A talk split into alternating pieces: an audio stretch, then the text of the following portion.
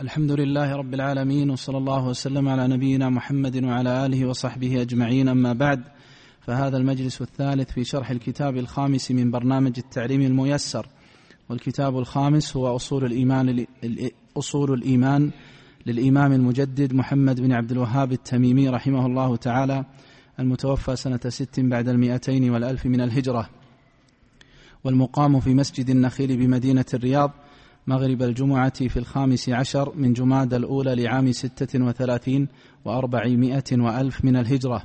ويشرح الكتاب فضيلة الشيخ الدكتور عبد الله بن عبد العزيز العنقري وفقه الله تعالى. بسم الله الرحمن الرحيم. نذكر الآن إن شاء الله تعالى النصوص التي أورد المصنف رحمة الله تعالى عليه. وقلنا إن النصوص الواردة في القدر على الأقسام الثلاثة التي ذكرنا هنا من وفق للتعامل مع نصوص القدر على هذا الحد الذي ذكرنا فإنه يرزق أمرا لا يكاد لا يوجد إلا لمن آمن بالقدر. وهو أن الله تعالى يجعله أشرح الناس صدرا وأرضاهم بقدره عز وجل فما يصيبه من مصيبة إلا وهو يعود بالأمر على نفسه. كما قال بعض السلف ما أصابتني من مصيبة إلا وقلت أعلم أن الله تعالى لم يظلمني وأن هذا بسبب مني فيعود الأمر إلى نفسه فتجد المصيبة والبلية تزيده رفعة. وإذا أوتي من نعم الله عز وجل ما أوتي نسبها إلى الله وحمد الله وشكر ولهذا قال صلى الله عليه وسلم في شأن المؤمن بيانا لكون أمره عجب. عجبا لأمر المؤمن. إن أمره كله خير. إن أصابته سراء شكر. فكان خيرا له. وإن أصابته ضراء صبر فكان خيرا له. هذا من آثار الإيمان بالقدر. فهو يشكر لجزمه أن هذا من الله. ويصبر لجزمه أن هذا من الله عز وجل. ما أصاب من مصيبة إلا بإذن الله. ومن يؤمن بالله يهد قلبه. قال ابن مسعود وعلقمة واشتهر عن علقمة وهو أصله عن ابن مسعود شيخ علقمة. قال هو المؤمن تصيبه المصيبات فيعلم أنها من الله فيرضى ويسلم. ولهذا كان للإيمان بالقدر آثار عظيمة من أعظمها تسلية المؤمن ورضاه بقضاء الله عز وجل وقدره ويظهر ذلك جليا في فرق تحمل المؤمن للمصائب التي يقدرها الله عز وجل مع إذا قورن بغيره ممن لا يقر بالقدر من أهل الكفر وغيرهم ممن تنشأ فيهم. هذه عياذا بالله الأدواء الهائلة من عذاب الله في الدنيا قبل عذاب الآخرة من أنواع الأزمات النفسية وعدم الرضا عن الحياة كلها والمسارعة إلى الانتحار ونحو ذلك مما يقع في بلاد الكفر. هؤلاء لا يؤمنون بقدر الله. أما المؤمن ففي بعض الأحيان يجلس نحو من ثلاثين سنة على فراشه وتجده من أرضى الناس قلبا ومن أكثرهم حمدا وشكرا. وإذا أتيت إليه وقد أصابته مصيبة وقد انقبض قلبك وحزنت على ما فيه وإذا به أشرح صدرا منك أنت يا من لم تصب. هذا فرق ومعونة من رب العالمين سبحانه. وقد جاء أن عمران رضي الله عنه استسقى بطنه ثلاثين سنة ثلاثين عاما رضي الله عنه. وهذا من الأمور التي تعين المؤمن في هذه الحياة وما يقع فيها. قال الله عز وجل لقد خلقنا الإنسان في كبد فهذه دار لا بد فيها من الأنكاد ولا بد فيها من المصائب والبليات فالموفق للإيمان بالقدر يجد من ثبات ويجد من حسن التعامل مع ما قدر الله عز وجل شيئا عظيما يثبت الله تعالى كما قال صلى الله عليه وسلم وليس ذلك إلا للمؤمن. هذا لا يقع لأي أحد إنما يقع ذلك لمن وفق الإيمان. أما من ضرب النصوص بعضها ببعض أو آمن ببعض من النصوص كالقسم الأول وأبى الثاني أو العكس فإن هؤلاء لا يوفقون وهم من أهل البدع والضلالات وحكم فيهم رسول الله صلى الله عليه وسلم بقوله أخر النزاع في القدر لشرار أمتي. فهؤلاء هم الأشرار والله وهم أهل البلاء أهل المناقشات العقيمة والكلام الفارغ في مثل هذه المسائل التي لا تزيد الناس إلا تشككا واضطرابا. أما إذا أخذ القدر من النصوص على الحد الذي ذكرنا وعلى منهج أهل السنة والجماعة فإن القدر يكون من أسهل الأبواب. بل هو من أعظم الأبواب التي ينطلق بها المؤمن كما سيأتي إن شاء الله تعالى للعمل كما سيأتي في الحديث أن عدي رضي الله عنه قال للنبي صلى الله عليه وسلم لما أخبره بالقدر وأنه مكتوب قال ما كنت أشد اجتهادا مني الآن. يعني أن القدر يدفع للعمل لا يدفع للكف على العكس الذي يفهم القدر فهما سويا يعلم أن القدر دافع للعمل لأنه لا يمكن كما سيأتي في حديث النبي صلى الله عليه وسلم وفي الأحاديث الآتية لا يمكن أن تصل بعد رحمة الله إلا بعمل. ذكر قول الله عز وجل إن الذين سبقت لهم منا الحسنى أولئك عنها مبعدون هذا بيان. لكون الذين نجوا قد كتبت لهم السعادة من قبل الله عز وجل كما دل عليه قوله سبقت لهم منا الحسنى فقد كتبت وسبقت. وهكذا قول الله عز وجل وكان أمر الله قدرا مقدورا ما قدر وقضي. وهكذا قوله تعالى والله خلقكم وما تعملون. هذا فيه بيان مرتبة الخلق وفيه بيان أن الله تعالى خلقنا وخلق أعمالنا. يعني أنت إذا أردت أن تأخذ هذا الكأس أنت مخلوق. عملك حركتك هذه لو لم تخلق لك لما استطعت أن تمد يدك. فالله خلقك وخلق عملك. تريد البيان؟ انظر إلى الذي شلت يده. لم يخلق الله عز وجل في هذه الحركة. لو يريد أن يرفع يده ما يستطيع لأنه لا يمكن أن يعمل حتى تخلق له الحركة. ولهذا ربك خلاق. فهو سبحانه خلاق. جميع هذه الأعمال تخلق للعباد. فمدك يدك هكذا لتأخذ الكأس. أنت مخلوق. هذه الحركة تخلق لك. ولو شاء الله عز وجل لشلت يمينك فلما استطعت أن ترفعها ولما قدرت. ولهذا جاء عنه عليه الصلاة والسلام أن رجلا عنده شرب بشماله. فقال صلى الله عليه وسلم اشرب بيمينك. فقال لا أستطيع. فقال صلى الله عليه وسلم لا استطعت. يقول الراوي فما رفعها إلى فيه. شلت يده. كان قبل ذلك قادرا. فقضى الله عز وجل لما عمل هذا العمل الذي هو موضع الكبر بأن يشرب بالشمال. قال عليه الصلاة والسلام لا استطاع دعا عليه. لما دعا عليه الصلاة والسلام قبلت دعوته. فمنع الله تعالى يده عن أن تعمل. فالله خلقك وخلق أعمالك. ولهذا قال تعالى والله خلقكم وما تعملون. وذكر قوله تعالى إنا كل شيء خلقناه بقدر. ثم ذكر حديث ابن عمرو رضي الله عنهما إن الله قدر مقادير الخلائق قبل أن يخلق السماوات والأرض بخمسين ألف سنة. سيأتي الكلام إن شاء الله على أنواع التقادير. قال وعرشه على الماء. فدل هذا الحديث على أن العرش سابق للقلم. لأن يأتينا الحديث أول ما خلق الله القلم فقال اكتب. قال ما أكتب؟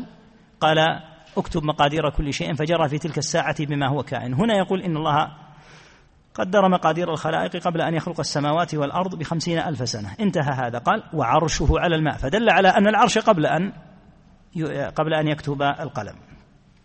ثم ذكر هذا الحديث العظيم الذي فيه أن النبي صلى الله عليه وسلم كان يحدثهم بأمر القدر ويشرحه لهم. شرح القدر وبيانه جزء من العقيدة مثل ما نشرح اليوم الآخر والملائكة.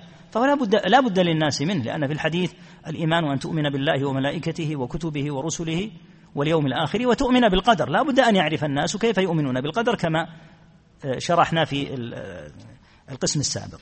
هنا يقول صلى الله عليه وسلم ما منكم من أحد إلا وقد كتب مقعده من النار ومقعده من الجنة. الله تعالى قد علم من هم أهل الجنة ومن هم أهل النار. الصحابة رضي الله عنهم وأجزل الله لهم المثوبة ورفع درجاتهم في المهديين سألوا هذا السؤال العظيم.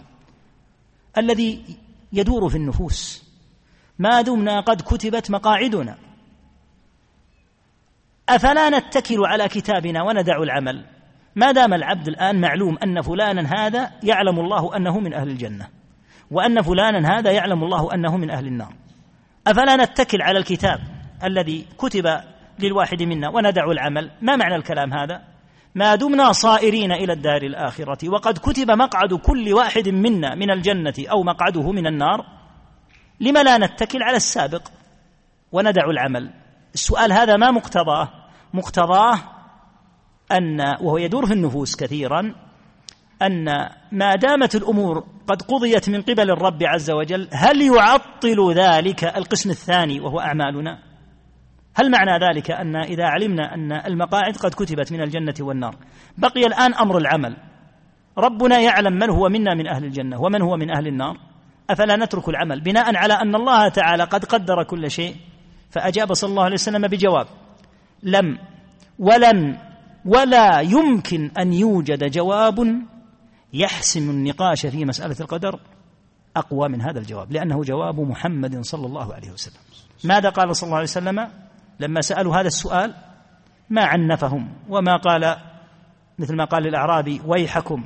هذا سؤال يدور في النفوس يحتاج إلى جواب. قال صلى الله عليه وسلم اعملوا. فأكد على أمر القسم الثاني الذي قلنا هو إثبات ما يتعلق بالعبد.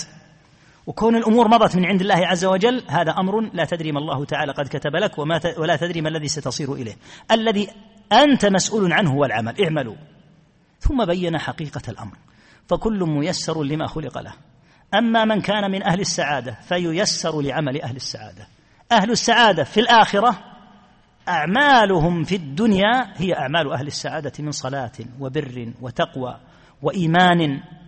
هذا درب يوصل برحمة الله عز وجل إلى الجنة.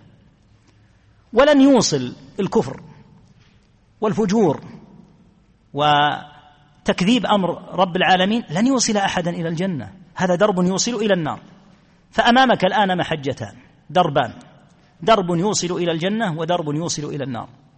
عليك بلزوم طريق الجنة وأحسن بالله الظن وارجو منه سبحانه وتعالى أن يجعلك في المهديين الفائزين. واسلك هذا السبيل. وتجنب السبيل الثاني لأن الله كما قلنا جعل لك مشيئة وجعل لك استطاعة. فاحذر الدرب الثاني. والزم الدرب الأول. وأحسن بالله الظن. واتكل عليه. وأحسن به سبحانه وتعالى الظن لتصل بعد رحمته إلى الجنة. ولهذا قال أما أهل السعادة فييسر أما من كان من أهل السعادة فييسر لعمل أهل السعادة. وأما من كان من أهل الشقاوة فييسر لعمل أهل الشقاوة. ثم بين الآية. فأما من أعطى واتقى وصدق بالحسنى هذه الأمور إلى أين توصل بعد رحمة الله؟ توصل إلى الجنة. فسنيسره. وعد إلهي لا يتخلف. أعطى واتقى وصدق بالحسنى وعد من رب العالمين فسنيسره لليسرى. وضده. وأما من بخل واستغنى وكذب بالحسنى هل يطمع هذا في الجنة؟ هذا درب سيوصل إلى النار. فسنيسره وعد إلهي فسنيسره للعسرى. ثم ذكر حديث عمر رضي الله عنه ومن الأحاديث التي جاءت فيها آثار كثيرة أن الرب سبحانه وتعالى حين خلق آدم مسح ظهره بيمينه أي مسح الرب ظهر آدم. بيمينه تبارك وتعالى فاستخرج منه ذرية فقال خلقت هؤلاء للجنة وبعمل أهل الجنة يعملون. لاحظ العبارة. أن المخلوقين للجنة بفضل الله ومنته وتوفيقه يعملون بعمل أهل الجنة. ثم مسح ظهره فاستخرج منه ذرية فقال خلقت هؤلاء للنار. كما قال تعالى ولقد ذرأنا لجهنم كثيرا من الجن والإنس. مخلوقون لها عياذا بالله. وبعمل وبعمل أهل النار يعملون. فقال رجل يا رسول الله ففيما العمل؟ إذا لماذا نعمل؟ ما دامت المقاعد من الجنة أو النار قد كتبت قال إن الله إذا خلق العبد للجنة استعمله بعمل أهل الجنة. الموفق المكتوب له الجنة يوفقه الله عز وجل ليعمل عمل أهل الجنة. حتى يموت على عمل من أعمال أهل الجنة فيدخله فيدخله به الجنة. حتى يموت على عمل من أعمال أهل الجنة فيدخله به الجنة. يعني أن الله تعالى يقبض العبد على هذا الحال. وثبت عنه عليه الصلاة والسلام أنه قال إنما الأعمال بالخواتيم. فمن ختم له بخاتمة حسنة فإنه يكون إليها بعد رحمة الله عز وجل. ومن ختم له والعياذ بالله بخاتمة السوء فإنه يلقى الله تعالى بها. ولهذا دائما يحذر من الخواتيم. عندنا أمور من الخواتيم تتكرر عندنا كل ليلة وهي خاتمة النوم. النوم كما جاء في الحديث النوم الموتة الصغرى. النوم نوع موت. قد تقبض الروح والإنسان نائم. فالذي هيأ نفسه ليصلي الفجر أو ليقوم الليل لو مات لكان آخر عمل ختم به حياته أنه قد تهيأ لهذه الصلاة. والذي جعل المنبه على الساعة السابعة وهو يعلم أن أذان الفجر قبلها بكثير قد ختم له بأنه لن يصلي الفجر في وقتها. ولهذا أمر الخاتمة له شأن كبير. ومن الخواتم التي تتكرر للعباد ما قال الله عز وجل الله يتوفى الأنفس حين موتها والتي لم تمت في منامها فيمسك التي قضى عليها الموت ويرسل الأخرى إلى أجل مسمى. ولهذا يحذر من أمر الخاتمة السيئة. نسأل الله العافية. لا, لا نقول فقط في الليل دائما. الإنسان قد يقبضه حتى في أي لحظة من لحظات النهار لكن هذا الأمر متكرر والله المستعان. إذا خلق العبد للجنة استعمله بعمل أهل الجنة حتى يموت على عمل من أعمال أهل الجنة فيدخله به الجنة. وإذا خلق العبد للنار استعمله بعمل أهل النار. نعوذ بالله. حتى يموت على عمل من أعمال أهل النار فيدخله النار. ثم ذكر الحديث أن النبي عليه الصلاة والسلام سئل أتبتدأ الأعمال أم قد قضي القضاء؟ فأجاب عليه الصلاة والسلام بأن الله تعالى لما أخرج آدم من, ذري من آه أن الله لما أخرج ذرية آدم من ظهره أشهدهم على أنفسهم ثم أفاض بهم. في كفيه فقال هؤلاء الجنة وهؤلاء النار فأهل الجنة ميسرون لعمل أهل الجنة وأهل النار ميسرون لعمل أهل النار. ثم ذكر الحديث المشهور عن ابن مسعود رضي الله تعالى عنه وأرضاه. قال حدثنا رسول الله صلى الله عليه وسلم وهو الصادق المصدوق. صادق هو ومصدق من قبل أهل الإيمان. إن أحدكم يجمع خلقه في بطن أمه أربعين يوما نطفة. إذا كتب الله تعالى أن يوجد هذا المخلوق فإنه يكون في الرحم بإذن الله عز وجل مدة أربعين يوما نطفة من آثار المني الذي قذف في رحم المرأة. أربعين يوما نطفة. ماذا يكون بعد ذلك؟ يعلق يتعلق يكون علقة مثل ذلك. ثم يكون بأمر الله عز وجل قطعة مضغة مضغة من لحم مثل ذلك. وهذه أيها الإخوة مع إيمان المؤمنين التام بها وجزمهم بها الذي لا يتزعزع. قد ثبتت حتى عند أهل الكفر ممن تأملوا أمر الجنين فهذه من هذا هذا الحديث. والآيات الواردة في الجنين من أظهر الأدلة على آه، أن في كتاب الله عز وجل مواضع وفي سنة النبي صلى الله عليه وسلم مواضع من الغيب الذي لم يطلع الله عز وجل عليه محمدا صلى الله عليه وسلم إلا بيانا لصدقه صلى الله عليه وسلم وإقامة لحجة الله عز وجل على العباد. فهذه ثابتة لا يتشكك فيها مسلم ولا يهودي ولا نصراني ولا ملحد أن هذه هي أطوار الجنين بإذن الله عز وجل.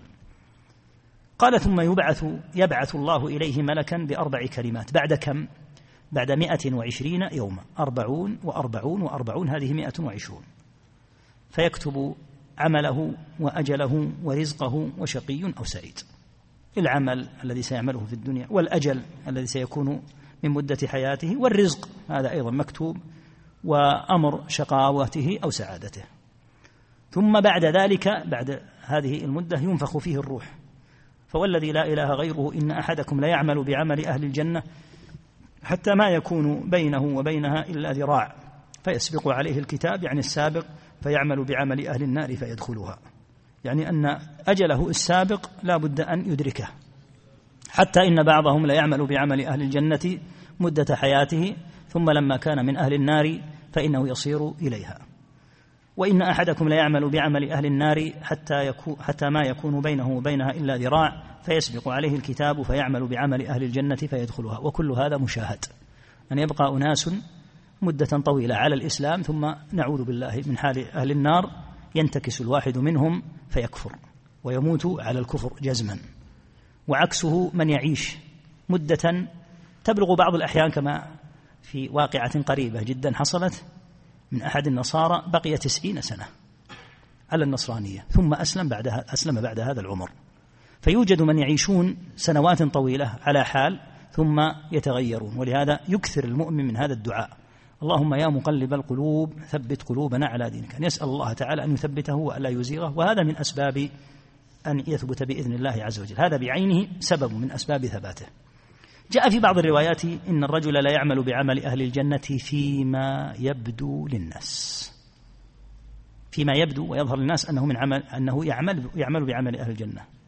لكنه عياذا بالله ليس من أهل الجنة. وهكذا يعمل الكافر الرجل بعمل أهل النار فيما يبدو للناس لكن عاقبته عند الله تعالى والمؤمن يحسن ظنه بربه ومن من نعمة الله ومنته وجليل فضله وإحسانه أن الذي يلزم السنة ويكون عليها عن علم وبصيرة يندر جدا إن لم يعدم. كما قال شيخ الإسلام رحمه الله لا يوجد في علماء السنة. فضلا عن صالح عامتهم من ينتقل عن السنة. وهذا من فضل الله عز وجل ومن بركة لزوم السنة لمن أراد الله تعالى له النجاة. قد يبدو أناس على حال من الخير والاستقامة والظاهر منهم السنة لكن ما الذي يدريك ببواطنهم؟ ما الذي يدريك بدخائلهم التي لا يحيط بها إلا الله عز وجل؟ حدثنا بعض مشايخنا رحمهم الله عن هذا الذي ارتد عبد الله القصيمي أنه كان أثناء دراسته وهو في سني طلبه كان يتمنع على النص منذ شبابه. إذا أتاه نص من النصوص لا يقول سمعنا وأطعنا كان يتمنع على النص. وكان عنده شيء من التعنت. فكانت العاقبة نعوذ بالله من الزيغ والضلال أن ارتد في آخر عمره ارتدادا ظاهرا. كتب مصنفات قبيحة في هذا. الذين سبروا أمره حين كان يدرس لما وقع منه ما وقع ذكروا تلك الدخيلة الموجودة في نفسه. لا شك أن كون الإنسان يتعنت على النصوص ولا يسهل له انقيادها هذا يدل على خبيئة قذرة في نفسه وعلى أمر يحيط به رب العالمين وإن لم يحط به الخلق وعلى أن عند هذا العبد نوعا يعلمه علام الخفيات سبحانه وتعالى الذي يخرج الخبأ في السماوات والأرض يعلم منه سبحانه وتعالى خبيئة سوء وإن كان الظاهر منه عكس عكس ذلك. فالحاصل أن كما قال ابن القيم رحمه الله واحذر كمائن نفسك. النفس بعض الأحيان تكون لها كمين من من تصيد بهذا الكمين؟ تصيدك أنت. كمائن جمع كمين. واحذر كمائن نفسك اللاتي متى خرجت عليك كسرت كسر مهان. كمائن لنفسك. نسأل الله العافية والسلام. ولا سيما في مسائل السرائر. فيما بين العبد وما بين الله عز وجل. واحذر كمائن نفسك اللاتي متى خرجت عليك كسرت كسر مهان. فصرعت صرعة من غدا متلبطا وسط العرين ممزق اللحمان ولهذا عندك قناعات وعندنا قناعات وعند العجم قناعات وعند العرب قناعات وعند أهل المشرق قناعات وعند أهل المغرب قناعات هذا أمر معروف. هذه القناعات إذا جاء نص من النصوص فإنها يضرب بها عرض الحائط هكذا المؤمن. يكون عند الناس قناعات معينة يكون عندهم أعراف معينة عاشوا عليها هم وآباؤهم وأجدادهم. فإذا جاء نص محمد صلى الله عليه وسلم انتهت قناعاتنا هذه وعلمنا أنها خطأ. من كان موفقا لمثل هذا فبإذن الله تعالى سيكون من الثابتين. أما من كان يريد أن يسلم قناعاته ويقصي النص إذا كان العربي سيقصي النصوص لقناعاته والتركي سيقصي النصوص لقناعاته والرومي سيقصي النصوص لقناعاته من المسلمين أقصد.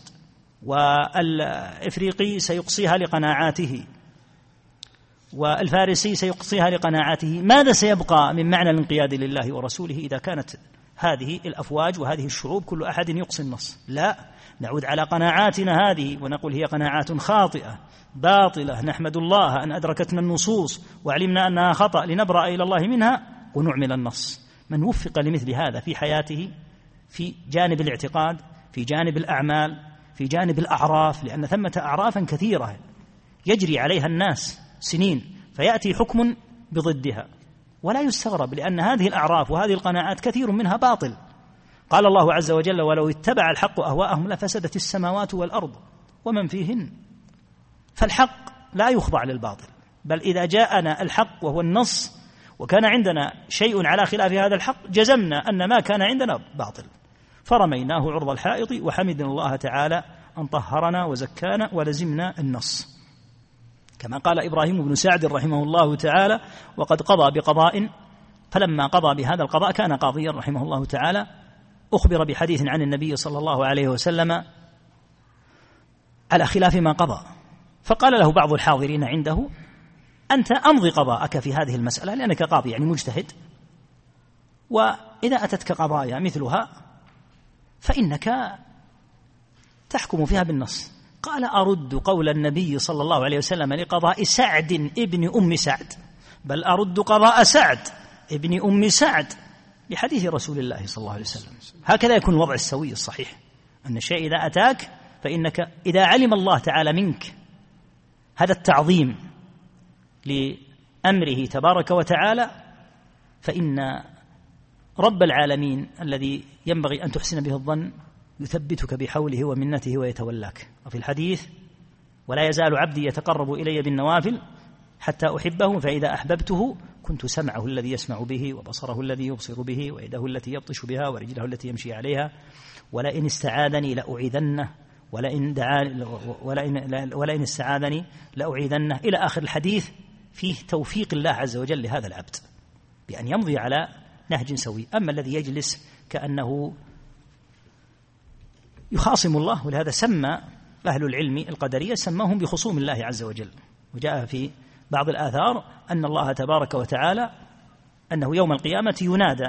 أهل القدر هم أهل المنازعة لله في قدره أنه ينادى في القيامة ليقم خصماء الله للحرب. من هم؟ قدرية. وتدعى خصوم الله يوم يوم معادها إلى الله طرا معشر القدرية. فالمؤمن يلزم حكم الله عز وجل في قوله وفعله ويلزم هذه النصوص في مسائل اعتقاده وغيرها ويمضي أمره على وفقها ولا يغير هذه النصوص لهوى نفسه وإلا فما أبعده عن السنة. في حديث حذيفة بن أسيد رضي الله عنه يدخل الملك على النطفة بعدما تستقر في الرحم بأربعين أو خمس وأربعين ليلة فيقول يا رب أشقي أو سعيد فيكتبان فيقول يا رب أذكر أو أنثى فيكتبان ويكتب, عمله وأثره وأجله ورزقه ثم تطوى الصحف فلا يزاد فيها ولا ينقص. هذا سيأتي إن شاء الله تعالى الكلام عليه وعلى الجمع بينه وبين حديث مسعود رضي الله عنهم جاء جميعا. في الحديث أن عائشة رضي الله عنها لما مات غلام من الأنصار صغير لم يبلغ قالت للنبي صلى الله عليه وسلم طوبى له عصفور من عصافير الجنة فالنبي صلى الله عليه وسلم آه، لم يرضى منها الجزم هكذا بأنه من أهل الجنة. قال أو غير ذلك يا عائشة؟ إن, إن الله خلق للجنة أهلا. خلقهم لها وهم في أصلاب آبائهم. وخلق للنار أهلا خلقهم لها وهم في أصلاب آبائهم. جاء في الحديث أن أبناء المسلمين في الجنة كما ثبت عنه عليه الصلاة والسلام في حديث سمرة. لكن هذا الجزم لكل شخص معين بل جاء أن هؤلاء الأفراد ليسوا ناجين فقط بل جاء أنهم يشفعون لآبائهم ممن يدخل النار. لكن الجزم هذا يعني مات مثل ابن فلان يقول هذا من أهل الجنة لا يصلح هذا الأمر يحال الأمر إلى رب العالمين ويتأدب مع الله هذا الأدب. ثم قال في حديث ابن عمرو بن عمر رضي الله عنهما أن النبي صلى الله عليه وسلم قال كل شيء بقدر حتى العجز والكيس.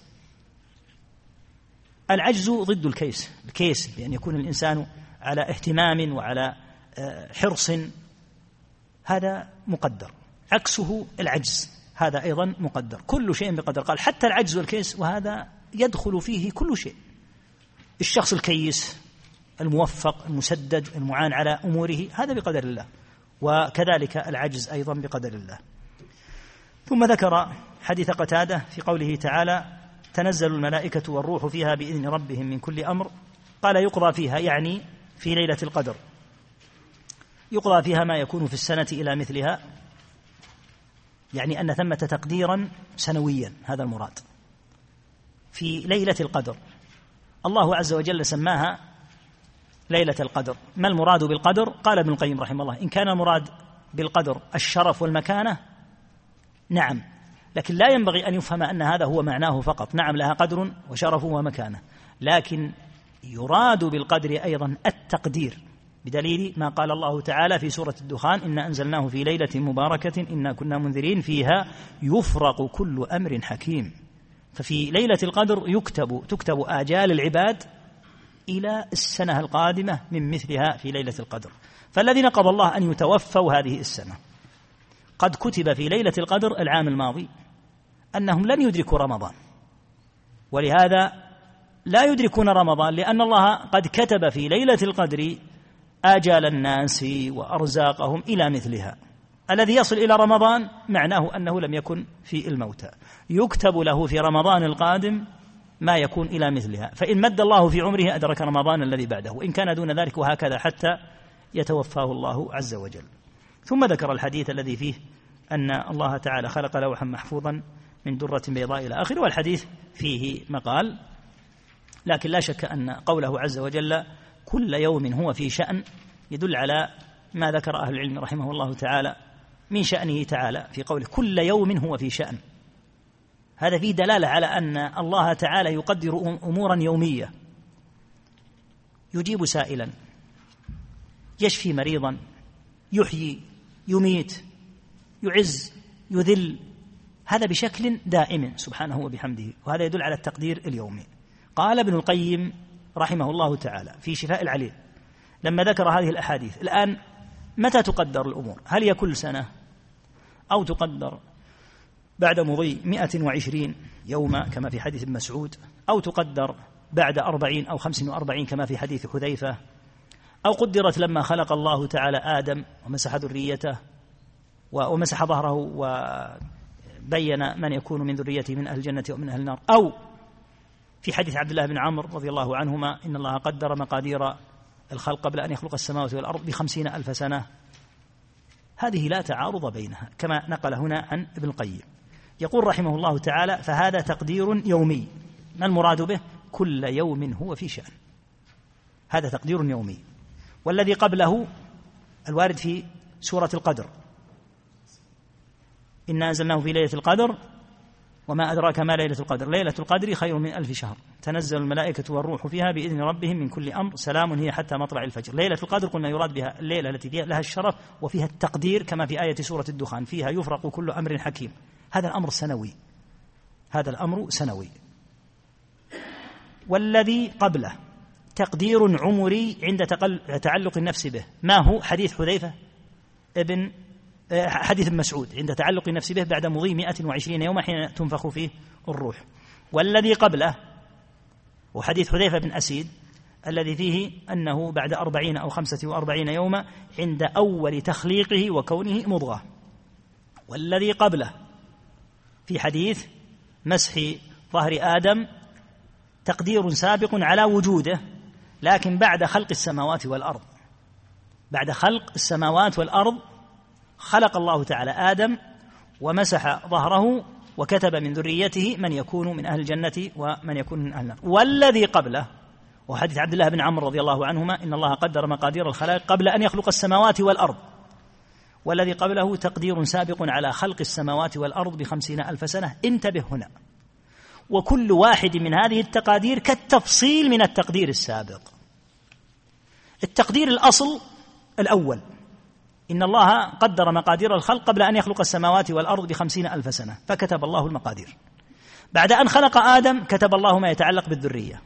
هذا التقدير لا يعارض التقدير الأول بل هذا تقدير وهذا تقدير. ثم التقدير السنوي الذي يكون في ليلة القدر أيضا تقدير آخر ولا يعارض التقديرين قبله.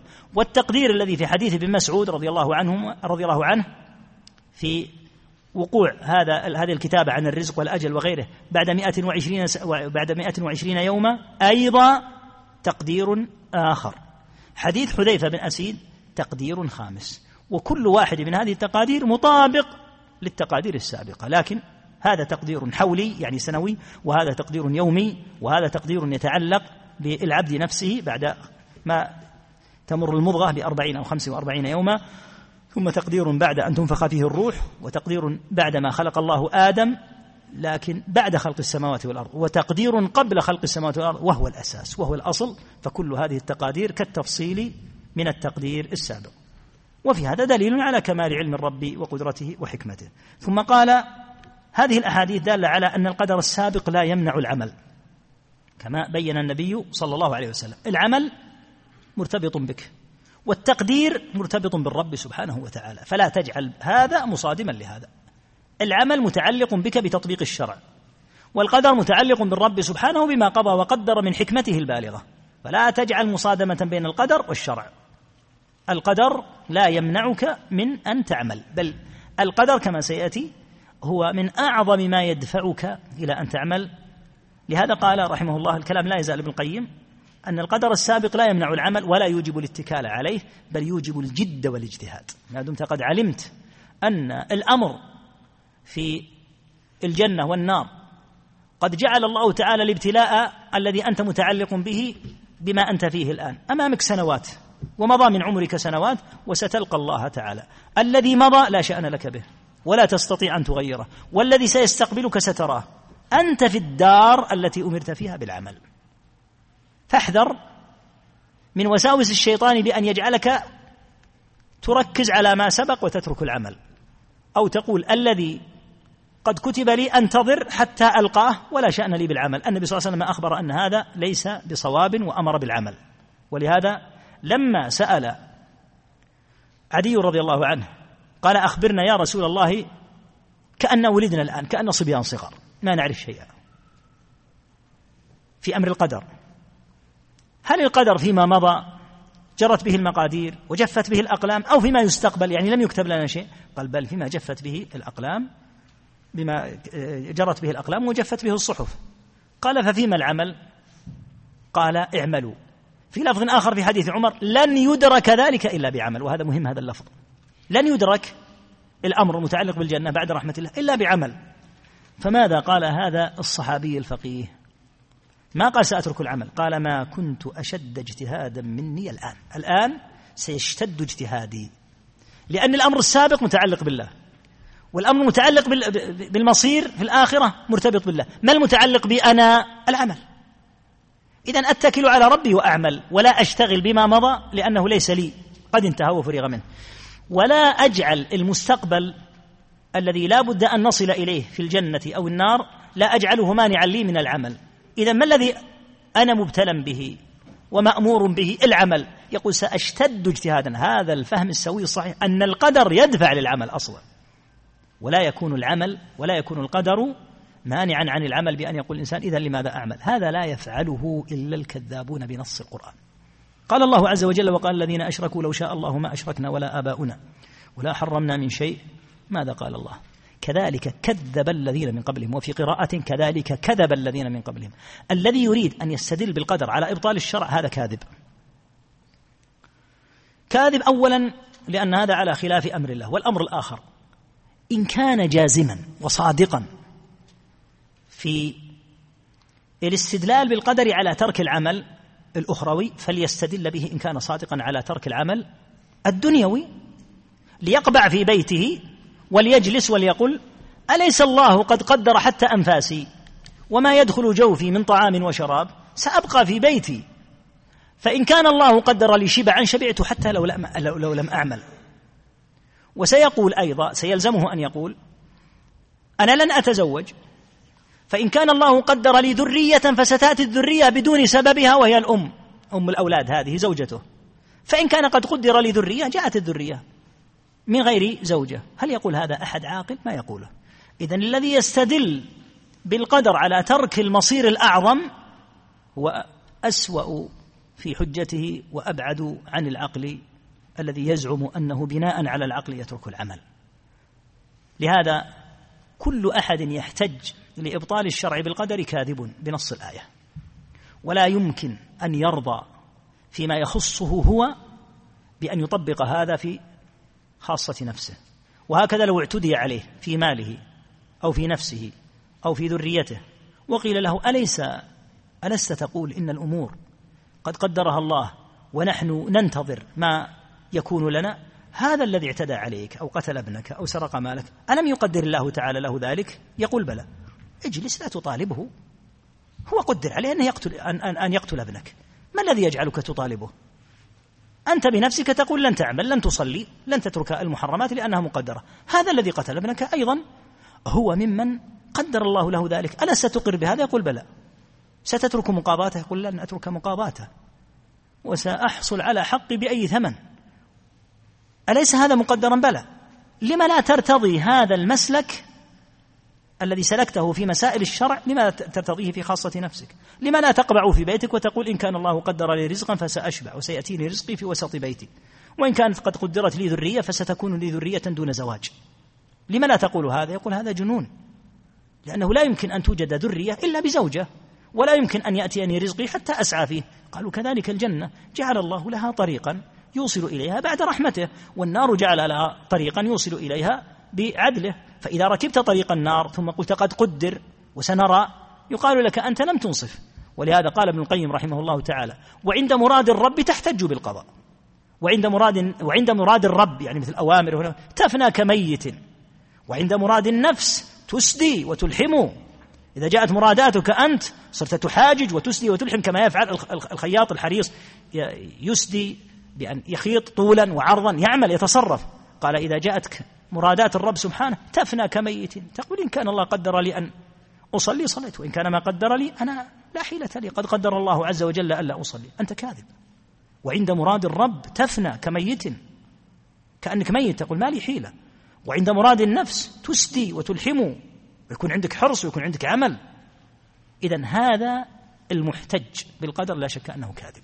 لأنه لا يمكن أن يحتج به في مسائل دينه ودنياه وإنما يحتج به على مسائل دينه ليقطع عن نفسه العمل وليزعم أنه مسكين قد قدر عليه هذا الأمر ولكنه كما قال تعالى كاذب.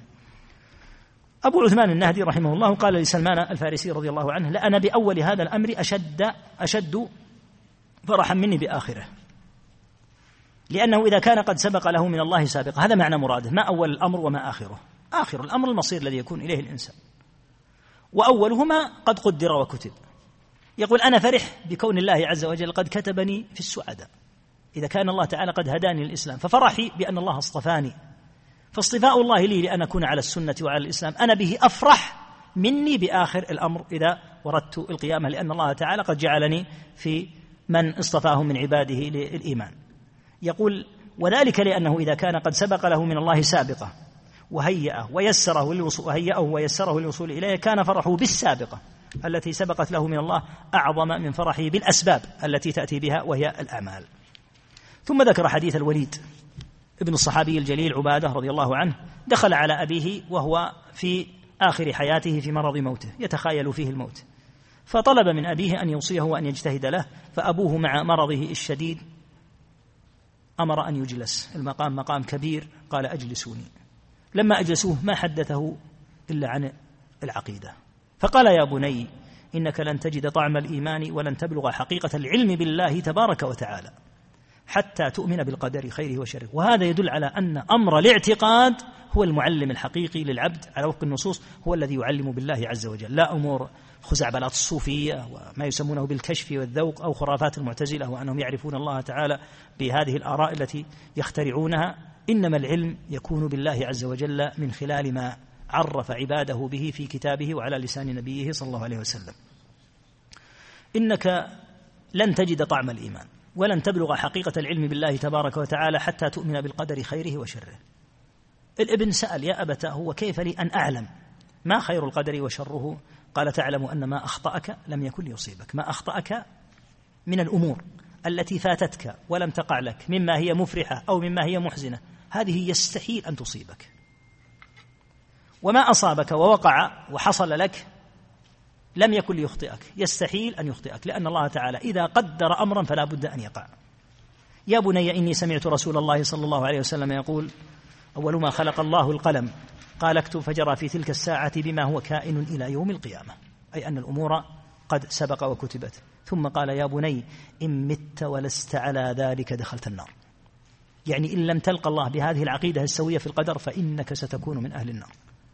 وهذا كما قلنا أن الخلل في مسائل الاعتقاد خطير جدا. الخلل في مسائل الاعتقاد أمره خطير. لأن المخالفة في القدر تجعل العبد إما مائلا إلى بدعة القدرية أو إلى بدعة الجبرية. وهما البدعتان التي قال النبي صلى الله عليه وسلم في أهلها شرار أمتي. فاحرص وفقك الله على تعلم العلم. في مثل هذه المسائل العقدية احرص على تعلمها من خلال النصوص ومن خلال منهج أهل السنة. واحذر أهل الباطل من دعاة الاعتزال ودعاة الرفض ودعاة من يسمون, يسمون أنفسهم ظلما وعدوانا بأهل العقول النيرة ونحو ذلك وهي أهواء. أهواء لا ارتباط لها بالنصوص واحفظ هذه الآية وتأملها في حياتك حتى تلقى الله. قال تعالى فإن لم يستجيبوا لك فاعلم أنما يتبعون أهواءهم. كل من لا يستجيب للنبي صلى الله عليه وسلم فإنه صاحب هوى. ولهذا قال ابن القيم في هذه الآية ما ثم إلا طريقان. الاستجابة للنبي صلى الله عليه وسلم أو الهوى. سمى نفسه صوفيا رافضيا معتزليا متحررا ليبراليا علمانيا خارجيا أي اسم سماه فهو صاحب هوى فيه. وسواء كان هذا الهوى مما هو به مبتدع من المنسوبين إلى الإسلام أو مما هو به مرتد خارج الملة فهو صاحب هوى. إن لم يستجب للنبي صلى الله عليه وسلم. لهذا قال ابن القيم ما ثم إلا طريقان. لأن الله جعل الأمر على هذا الحد. فإن لم يستجيبوا لك وكيف نستجيب للنبي صلى الله عليه وسلم؟ وكيف نعرف الطريق الذي به نستجيب؟ أن تتأمل النصوص التي أنزلها الله في كتابه وجاءت عن النبي صلى الله عليه وسلم. فإن انصعت لها وتركت كل الأمور المخالفة لها فأنت مستجيب. وإن قلت هذا النص لا يليق ولا يناسب وينبغي أن يغير عن وجهه وأن يفهم فهما على غير فهم السلف الصالح فأنت صاحب هوى. فإن لم يستجيبوا لك فاعلم أنما يتبعون أهواءهم ومن أضل من اتبع هواه. نسأل الله العافية والسلامة ثم ذكر حديث أبي خزامة عن أبيه رضي الله عنه أنه قال يا رسول الله. وهذا سؤال الحقيقة وهذا من فهم الصحابة. الصحابة رضي الله عنهم أسئلتهم على أحسن ما يكون إلا أن يكون مثل الأعرابي السابق يكون عنده جهل أو نحوه. لكن إذا تأملت أسئلة الصحابة أسئلة الصحابة تدل على فقههم. إذا تأملت السؤال السؤال إذا أتى من طالب علم عرفت أنه سؤال أنه سؤال طالب علم. وإذا أتى من جاهل عرفت أنه من جاهل. أسئلة الصحابة رضي الله عنهم التي يسألونها النبي عليه الصلاة والسلام تجد أنها من الأسئلة التي أولا يحتاج إليها وتجد أنها أسئلة واضحة جلية وربما أثنى النبي صلى الله عليه وسلم على السائل كما في حديث أبي هريرة من أسعد الناس بشفاعتك؟ فقال لقد ظننت ألا يسألني أحد عن هذا الحديث عن هذا الحديث أول منك لما رأيت من حرصك على الحديث. بدأ بالثناء عليه ثم قال أسعد الناس بشفاعتي من قال لا إله إلا الله خالصا من قلبه. أو كما قال صلى الله عليه وسلم. السؤال يبين حال السائل من جهة علمه. يقول يا رسول الله أرأيت رقى جمع رقية نسترقيها ودواء نتداوى به أدوية. وتقاة نتقيها. نجعل وقاية بيننا وبين الأشياء التي تضرنا. هل ترد من قدر الله شيئا؟ يقول نحن الآن إذا كتب الله المرض الله قدره. نحن نأتي لنرقي المريض. وهكذا إذا جاء المرض أتينا بالدواء لنعالجه. وهذا كذا الأشياء التي نتقيها حتى لا تضرنا. أليست الأشياء مقدرة؟ بلى. لكن هذه الأشياء التي نفعلها هل ترد قدر الله في المرض ونحوه؟ أجاب صلى الله عليه وسلم الذي أعطاه الله جوامع الكلم قال هي من قدر الله الآن الرقية هذه التي ترقي بها أليست مما كتبه الله وقدره؟ بلى إذا فاسعى في السبب لإزالة المرض بالدواء المباح كما قال صلى الله عليه وسلم تداووا عباد الله ولا تتداووا بحرام وسعى في الرقية الشرعية السليمة حتى قال صلى الله عليه وسلم اعرضوا علي رقاكم لا بأس بالرقى ما لم تكن شركا ما هنالك تعارض. لا بين الرقية وبين المرض ولا بين العلاج وبين المرض. كل هذه أمور مقدرة قال هي من قدر الله. ثم ذكر الحديث العظيم عنه عليه الصلاة والسلام المؤمن القوي يعني في إيمانه. خير وأحب إلى الله من المؤمن الضعيف في إيمانه وفي كل خير. فدل على أن أهل الإيمان فيهم خير لكن يتفاوت هذا الخير وهذا من دلائل كون الإيمان يزيد وينقص. ثم قال صلى الله عليه وسلم احرص على ما ينفعك. وهذا الحرص سواء في أمر دينك وهو الأساس أو حتى في أمر دنياك. احرص على مثلا دراستك يا طالب. احرص على رزقك يا من تبذل وراءك ذرية وتريد أن تستغني عن الناس. احرص على الرزق. احرص على ما ينفعك. ومع هذا الحرص الذي هو منك انتبه. لا تقطع الاستعانة بالله. كما تحرص على ذلك بأسبابه واستعن بالله. ثم قال ولا تعجزن. إياك والعجز والعجز. فإن أصابك شيء فلا تقل لو أني فعلت كان كذا كان كذا وكذا ولكن قل قدر الله أو ولكن قل قدر الله.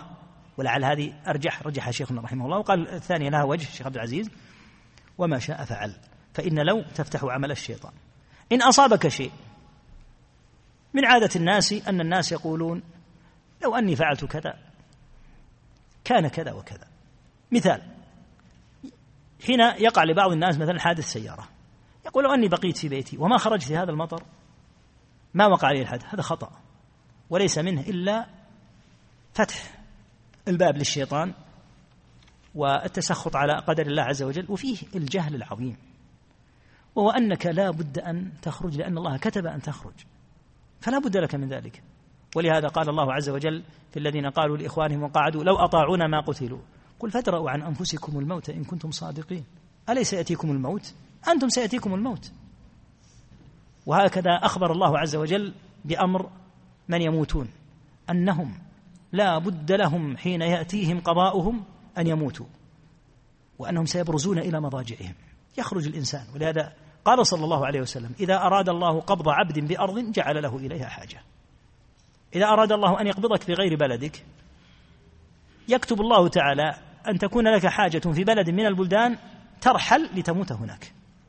فالأمور هذه مقدرة فدعك من لو ولا تفتح لا تفتح على نفسك تحزين الشيطان والتسخط على قدر الله.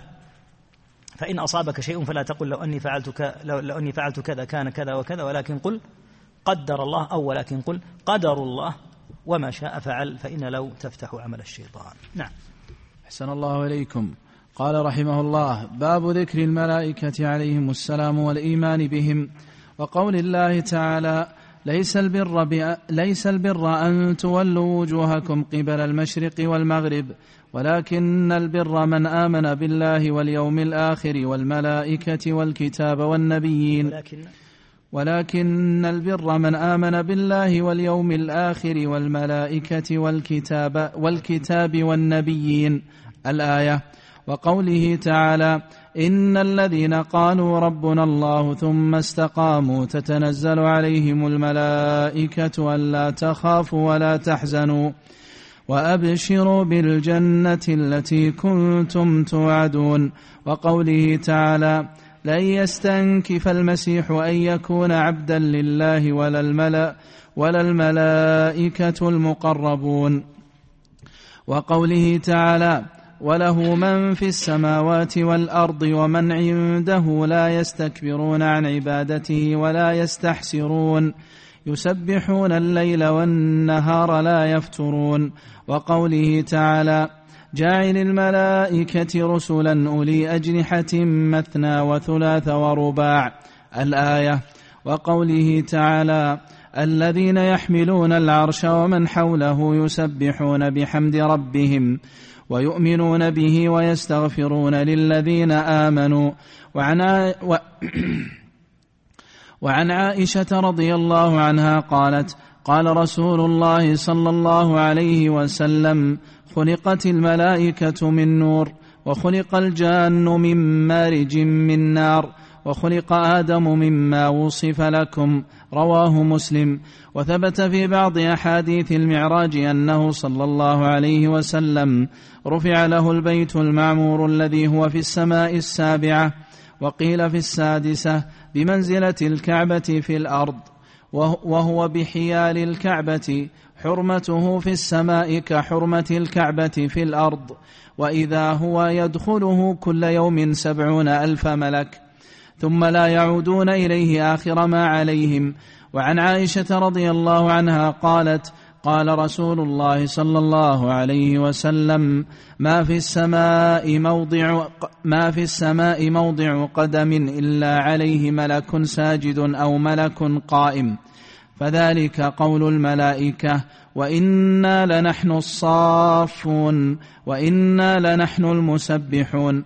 رواه محمد ابن نصر وابن أبي حاتم وابن جرير وأبو الشيخ. وروى الطبراني عن جابر بن عبد الله رضي الله عنهما قال قال رسول الله صلى الله عليه وسلم ما في السماوات السبع موضع قدم ولا شبر ولا كف إلا وفيه ملك قائم أو ملك ساجد أو ملك راكع. فإذا كان يوم القيامة قالوا جميعا سبحانك ما عبدناك حق عبادتك إلا أنا إلا أنا لم نشرك بك شيئا. وعن جابر رضي الله عنه قال قال رسول الله صلى الله عليه وسلم أذن لي أن أحدث عن ملك من ملائكة الله من حملة العرش. ما بين شحمة أذنه إلى عاتقه مسيرة سبعمائة عام. رواه أبو داود, أبو داود والبيهقي في الأسماء والصفات والضياء في المختارة. فمن سادتهم جبرائيل عليه السلام. وقد وصفه الله تعالى بالأمانة وحسن الخلق والقوة فقال تعالى علمه شديد القوى ذو مرة فاستوى ومن شدة قوته أنه رفع مدائن قوم لوط عليه السلام وكن سبعا وكن سبعا بما فيهن من الأمم وكانوا قريب وكن سبعا. وكن سبعا بمن فيهن من الأمم وكانوا قريبا من أربعمائة ألف. وما معهم من الدواب والحيوانات وما وما لتلك المدائن من الأراضي والعمارات على طرف جناحه حتى بلغ بهن عنان السماء حتى سمعت الملائكة نباح كلابهم وصياح ديكت ديك ديكتهم ثم قلبها فجعل عاليها سافلها فهذا هو شديد القوى وقوله ذو مرة أي ذو خلق حسن وبهاء وسناء وقوة شديدة. قال معناه ابن عباس رضي الله عنهما. وقال غيره ذو مرة أي ذو قوة. وقال تعالى في صفته إنه لقول رسول كريم ذي قوة عند ذي العرش مكين مطاع ثم أمين. أي له قوة وبأس شديد وله مكانة ومنزلة عالية رفيعة عند ذي العرش مطاع مطاع ثم أي مطاع في الملأ الأعلى. أمين. ذي أمانة عظيمة. ولهذا كان هو السفير بين الله وبين رسله. وقد كان يأتي إلى رسول الله صلى الله عليه وسلم في صفات متعددة. وقد رآه على صفته التي خلقه الله عليها مرتين. وله ستمائة جناح. وله, وله ستمائة جناح. وروى ذلك البخاري عن ابن مسعود رضي الله عنه. وروى الإمام أحمد عن, عن, عبد الله قال رأى رسول الله صلى الله عليه وسلم جبريل في صورته وله ست ستمائة ستمائة جناح كل جناح منها سد الأفق يسقط من جناحه من التهاويل والدر والياقوت ما الله به عليم إسناده قوي. وعن عبد الله بن مسعود رضي الله عنه قال رسول قال رأى رسول الله صلى الله عليه وسلم جبريل في حلة خضراء قد ملا ما بين السماء والأرض رواه مسلم. وعن عائشة رضي الله عنها أن رسول الله صلى الله عليه وسلم قال رأيت جبريل منهبطا قد ملا ما بين الخافقين عليه ثياب سندس معلق بها اللؤلؤ والياقوت رواه أبو الشيخ. ولابن جرير عن ابن عباس رضي الله عنهما قال جبرائيل عبد الله وميكائيل عبيد الله وكل اسم فيه إي وكل اسم فيه إيل, إيل فهو عبد الله وله عن علي بن ابن الحسين مثل مثله وزاد وإسرافيل عبد الرحمن وروى الطبراني عن ابن عباس رضي الله عنهما قال قال رسول الله صلى الله عليه وسلم لا أخبركم بأفضل الملائكة جبرائيل. وعن أبي عمران الجوني أنه بلغ بلغه أن جبرائيل أتى النبي صلى الله عليه وسلم وهو يبكي. فقال له رسول الله صلى الله عليه وسلم ما يبكيك؟ قال وما لي لا أبكي فوالله ما جفت لي عين من منذ خلق الله النار مخافة أن أعصيه فيقذفني فيها. رواه الإمام أحمد في الزهد. وللبخاري عن ابن عباس رضي الله تعالى عنهما قال قال رسول الله صلى الله عليه وسلم لجبرائيل ألا تزورنا أكثر مما تزورنا؟ فنزلت وما نتنزل إلا بأمر ربك له ما بين أيدينا وما خلفنا. الآية ومن ساداتهم ميكائيل عليه السلام وهو موكل بالقطر, بالقطر والنبات. وروى الإمام أحمد عن أنس رضي الله تعالى عنه أن رسول الله صلى الله عليه وسلم قال لجبرائيل ما لي لم أر ميكائيل ضاحكا قط. قال ما ضحك ميكائيل منذ خلقت النار. ومن ساداتهم إسرافيل عليه السلام وهو أحد حملة, حملة العرش وهو الذي ينفخ في الصور. روى الترمذي وحسنه والحاكم عن, عن أبي سعيد الخدري رضي الله تعالى عنه قال قال رسول الله صلى الله عليه وسلم كيف أن أن أنعم وصاحب القرن قد قد التقم القرن وحنى جبهته وأصغى سمعه ينتظر متى يؤمر فينفخ. قالوا فما نقول يا رسول الله؟ قال قولوا حسبنا الله ونعم الوكيل. على الله توكلنا. وعن ابن عباس رضي الله تعالى عنهما أن رسول الله صلى الله عليه وسلم قال إن ملكا من حملة العرش يقال له إسرافيل زاوية من زوايا العرش على كاهله. قد مرقت قدماه في الأرض السابعة السفلى ومرق رأسه من السماء السابعة العليا. رواه أبو الشيخ وأبو نعيم في الحلية.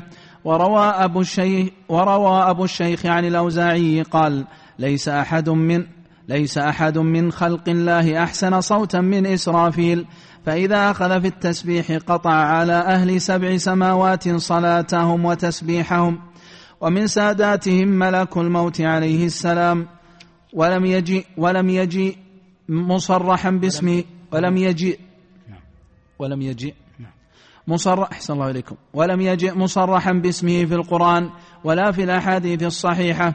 وقد جاء في بعض الآثار تسميته بعزرائيل. فالله أعلم. قاله الحافظ ابن كثير. وقال إنهم بالنسبة إلى ما هيأهم له أقسام. فمنهم حملة العرش ومنهم الكروبيون الذين هم حول العرش. وهم مع حملة العرش أشرف الملائكة وهم الملائكة المقربون كما قال تعالى لن يستنكف المسيح أن يكون عبدا لله ولا الملائكة المقربون ومنهم سكان السماوات السبع يعمرونها عب يعمرونها عبادة دائمة ليلا ونهارا صباحا ومساء. كما قال تعالى يسبحون الليل والنهار لا يفترون ومنهم الذين الذين يتعاقبون إلى البيت المعمور. قلت الظاهر أن الذين يتعاقبون إلى البيت المعمور سكان السماوات ومنهم موكولون بالجنان وإعداد الكرامات لأهلها وتهيئة الضيافة لساكنيها من ملابس ومآكل ومشارب ومصاغ ومساكن.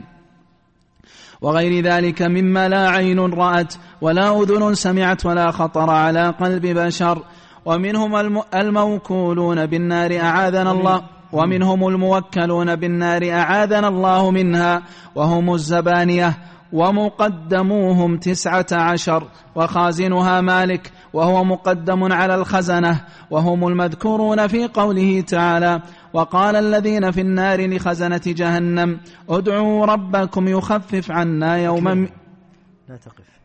أحسن الله إليكم. وقال الذين في النار لخزنة جهنم ادعوا ربكم يخف. خزنة جهنم ادعوا وقال الذين في النار لخزنة جهنم ادعوا ربكم يخفف عنا يوما من العذاب. وقال تعالى ونادوا يا مالك ليقضي علينا ربك. ونادوا يا مالك ليقضي علينا ربك. قال إنكم ماكثون. الآية. وقال تعالى عليها ملائكة غلاظ شداد لا يعصون الله ما أمرهم ويفعلون ما يؤمرون. وقال تعالى عليها تسعة عشر. وما جعلنا أصحاب النار إلا ملائكة وما جعلنا عدتهم إلا فتنة للذين كفروا ليستيقن الذين أوتوا الكتاب ويزداد الذين آمنوا إيمانا ولا يرتاب الذين أوتوا الكتاب والمؤمنون وليقول وليقول الذين في قلوبهم مرض والكافرون ماذا أراد الله بهذا مثلا؟ كذلك يضل, كذلك يضل الله من يشاء ويهدي من يشاء. وما يعلم جنود ربك إلا هو. ومنهم الموكلون بحفظ بني آدم كما قال تعالى له معقبات من بين يديه ومن خلفه يحفظونه من أمر الله. قال ابن عباس رضي الله عنهما ملائكة يحفظونه من بين يديه ومن خلفه فإذا جاء أمر الله خلوا عنه. وقال مجاهد ما من عبد إلا وملك موكل بحفظه في نومه ويقظته من الجن والإنس والهوام. فما منها شيء يأتيه يريده إلا قال له وراءك إلا شيء يأذن الله تعالى فيه فيصيبه. ومنهم الموكلون بحفظ أعمال العباد كما قال تعالى إذ يتلقى المتلقيان عن اليمين وعن الشمال قعيد ما يلفظ من قول إلا لديه رقيب عتيد. وقال تعالى وإن عليكم لحافظين كراما كاتبين يعلمون ما تفعلون. روى البزار عن ابن عباس رضي الله عنهما قال قال رسول الله صلى الله عليه وسلم إن الله ينهاكم عن التعري فاستحيوا من ملائكة الله الذين معكم الكرام الكاتبين الكرام الكاتبين الذين لا يفارقونكم إلا عند إحدى ثلاث حالات الغائط والجنابة والغسل.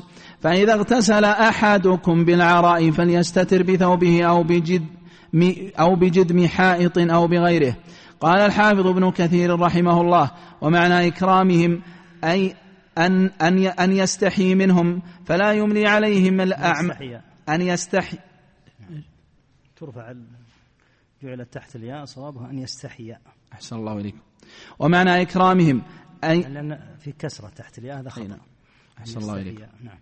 ومعنى إكرامهم أن يستحيي منهم فلا يملي عليهم الأعمال القبيحة التي يكتبونها. فإن الله خلقهم كراما في خلقهم وأخلاقهم ثم قال ما معناه؟ إن من كرمهم أنهم لا يدخلون بيتا فيه كلب ولا صورة ولا جنوب ولا تمثال ولا يصحبون رفقة معهم كلب أو جرس. وروى مالك والبخاري ومسلم عن أبي هريرة رضي الله عنه أن رسول الله صلى الله عليه وسلم قال يتعاقبون فيكم ملائكة بالليل وملائكة بالنهار ويجتمعون في صلاة الفجر وصلاة العصر ثم يعرج إليه الذين باتوا فيكم فيسألهم وهو أعلم. كيف تركتم عبادي؟ فيقولون تركناهم وهم يصلون وأتيناهم وهم يصلون. وفي رواية أن أبا هريرة قال اقرأوا إن شئتم وقرآن الفجر إن قرآن الفجر كان مشهودا.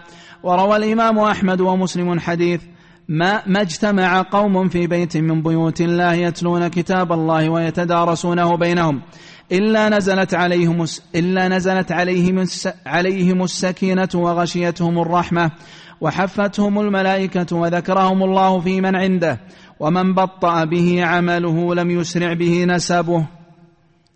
وفي المسند والسنن حديث إن الملائكة إن الملائكة لتضع أجنحتها لطالب العلم رضا بما يصنع والأحاديث في ذكرهم عليهم السلام كثيرة جدا.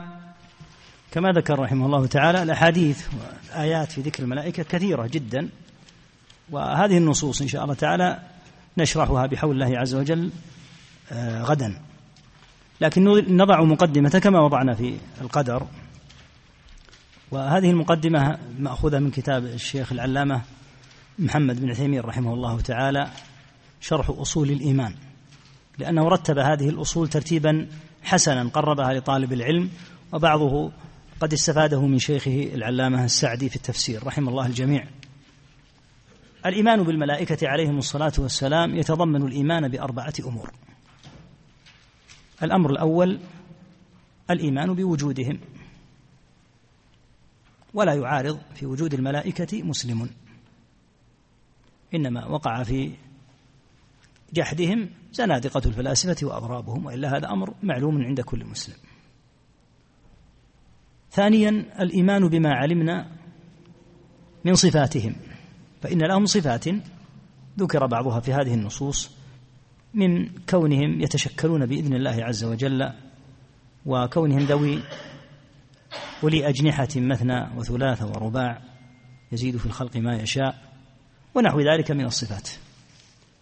ثالثا الإيمان بما علمنا من أعمالهم. وأعمالهم على نوعين. النوع الأول نوع عام يشترك فيه جميع الملائكة عليهم الصلاة والسلام وهو العبادة الدائمة التي لا تنقطع. قال الله عز وجل يسبحون الليل والنهار لا يفترون. ما عندهم أي فتور عليهم صلاة الله وسلامه. النوع الثاني من أعمالهم أعمال خاصة. فجبريل موكل بالوحي وإسرافيل موكل بالقطر بالنفخ في الصور وميكائيل موكل بالقطر والنبات ونحو ذلك. مما إن شاء الله تعالى يأتي ذكره. الأمر الرابع الإيمان بما علمنا من أسمائهم. الإيمان بما علمنا وقد علمنا من أسمائهم مثل من ذكرنا. جبريل وميكائيل وإسرافيل ومالك خازن النار ونحو ذلك مما ورد في النصوص. والذين لا نعلم أسماءهم نؤمن بهم إجمالا. الذين لا نعلم أسماءهم نؤمن بهم إجمالا. ويأتي إن شاء الله عز وجل شرح هذه النصوص غدا بحول الله تعالى ومعونته. أقل من أيام العشر الأواخر. ما لهذا علاقة؟ يكون التقدير في الليلة التي يجعل الله تعالى فيها ليلة القدر. ومما يقدر تعالى أن تكون ليلة القدر يوم كذا ليلة كذا وكذا. فتكون مثلا تارة في السابع والعشرين فيكون التقدير في السابع والعشرين. المقصود ليلة القدر وليس المقصود وقتا محددا. فإذا كانت في الحادية والعشرين أو في الثالثة والعشرين أو حتى في السادسة والعشرين لأن ليلة القدر يمكن أن تقع حتى في الأشفاع. ليس معنى كون الأوتار أرجى أنها لا تقع أبدا قد تقع في ليلة الرابع والعشرين. في ليلة الثامن والعشرين يمكن أن تقع.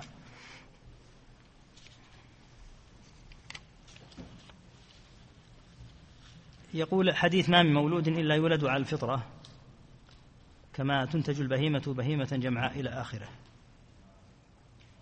هل الوالدين عليهم ذنب في حق الإبن؟ وهل الإبن إذا صار يهوديا أو نصرانيا يكون في النار؟ ما هو بهذا ليس هذا المقصود بالحديث.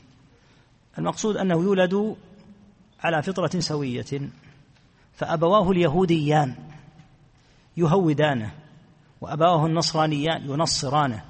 وليس المقصود أنه والعياذ بالله لو كبر وارتد أنهما يسألان عن ذلك. إذا أديا ما عليهما مما أوجب الله إذا كان مسلمين وأدباه الأدب الشرعي الواجب ثم كونه ينتكس عياذا بالله هذا أمر آخر. لكن المقصود فأبواه يهودانه أي يجعلانه يهوديا لأنهما يهوديان وهكذا ينصرانه ويمجسانه.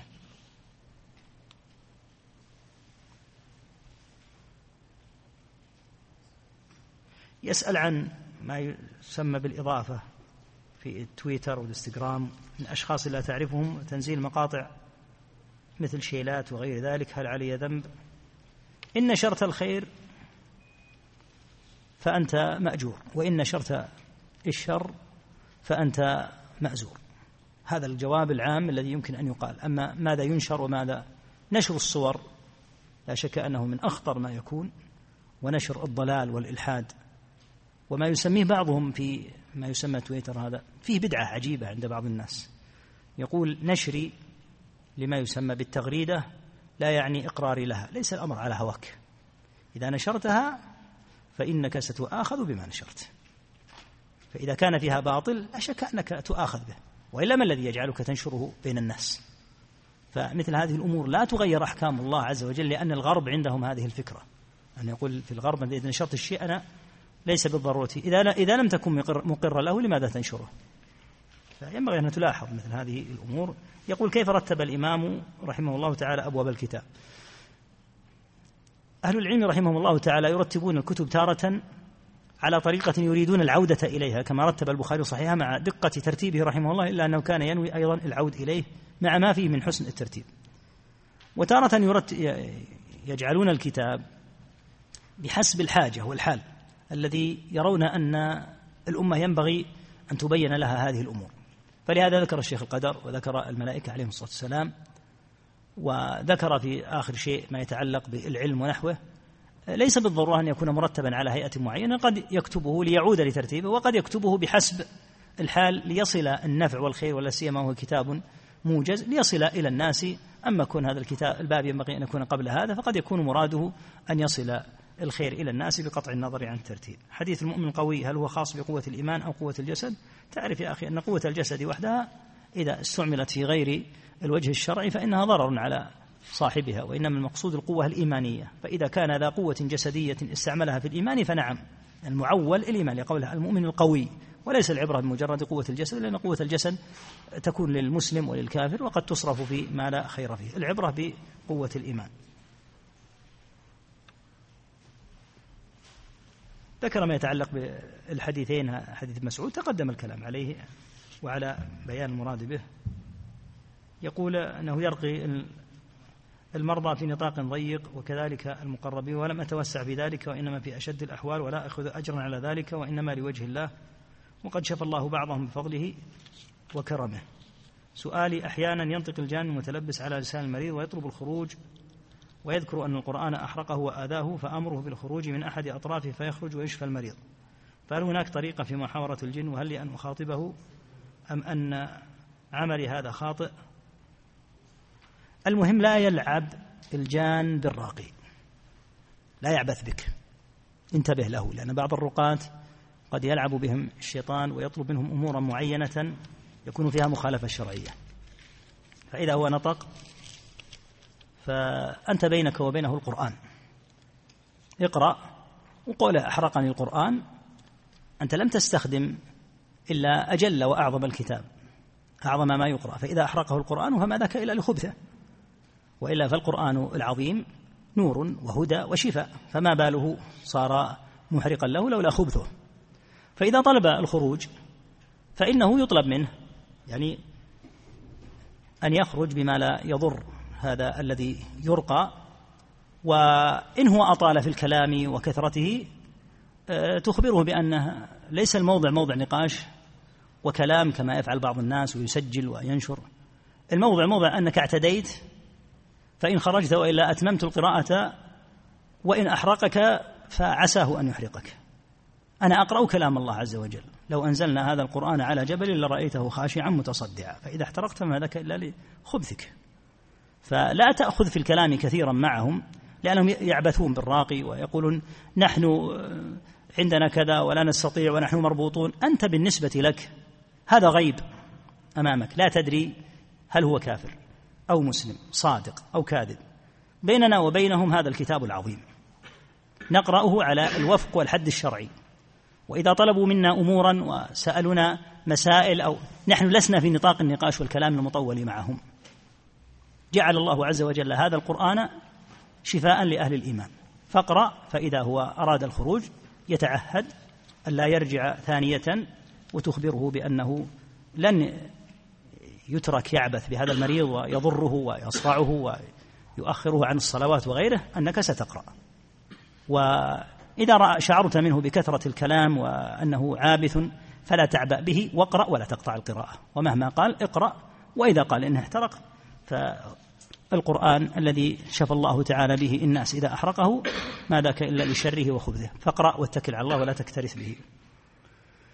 أولاد غير المسلمين الذين يتوفون صغارا هل هم من أهل الجنة أم من أهل النار؟ من أهل العلم من يقول هذه المسألة لا ينبغي أن يخاض فيها ويحال الأمر فيها إلى الله لقوله صلى الله عليه وسلم الله أعلم بما كانوا عاملين. يعني أن الله حين خلقهم هو أعلم بما كانوا عاملين لو أنهم بلغوا ووصلوا إلى سن الكبر الذي فيه آباؤهم هل يكونون على طريقتهم أم يهتدون. ومنهم من يقول إن الحديث حديث سمرة دل على أنهم يكونون أيضا من أهل الجنة لأن النبي صلى الله عليه وسلم لما سئل في حديث سمرة حين رأى أبناء المسلمين في الجنة الذين لم يبلغوا الحنث عند إبراهيم سئل قيل وأبناء المشركين؟ قال وأبناء المشركين. والله أعلم في مثل هذه المسائل. بعض المسائل بعض المسلمين والذين أعرفهم عن عن قرابة ليس في قلوب وأشهد الله أن ليس في قلوبهم حب لله ولا لرسوله ولا الإسلام يقولون بأن الله يحبنا ولذلك خلقنا ولن يعذبنا وحتى إن لم نعلم. أولا من جانبك أنت لا تجزم على الذي في قلوبهم. ليس لك تقول أعلم أن في قلوبهم علم القلوب عند الله عز وجل. أما دعواهم أن الله إنما خلقهم لأنه يحبهم فيوضح لهم لأن هؤلاء قد يكونون جهلة. يقال حتى إبليس خلقه الله تعالى وخلق الشياطين. فهل معنى ذلك أن الله خلقهم؟ فيبين لهم يمكن أن هؤلاء عندهم شبهة وجهل. أما أنت فلا تجزم بالذي في قلوبهم. يقول قوله كذبني ابن آدم كأن فيه عموم لجميع أبناء آدم. لا ليس المقصود هذا هذا جنس. يعني أن ليس معناه أن كل فرد منهم قد كذب الله فيه أبناء آدم. منهم الملائكة ومنهم آه، الصالحون. لا لا ينالهم الحديث. يقول زدنا توضيحا معنى الكلمة التي قالها الأعرابي وبالله عليك. مراده إن نستشفع نطلب من الله عز وجل أن يتوسط لنا عندك. هذا المعنى. يعني هذا معناه يقول نريد من الله أن يشفع لنا عندك. وهذا لا يقال في الله لأن الله إذا أراد الشيء تم سبحانه وتعالى. فهذا وجه كونها من الكلمات الخاطئة. يسأل عن درس الأسبوع الماضي عند شرح باب التحذير من البدع. يقول قول ابن مسعود وضمنت لهم أن لا يضيع من حسناتهم شيء.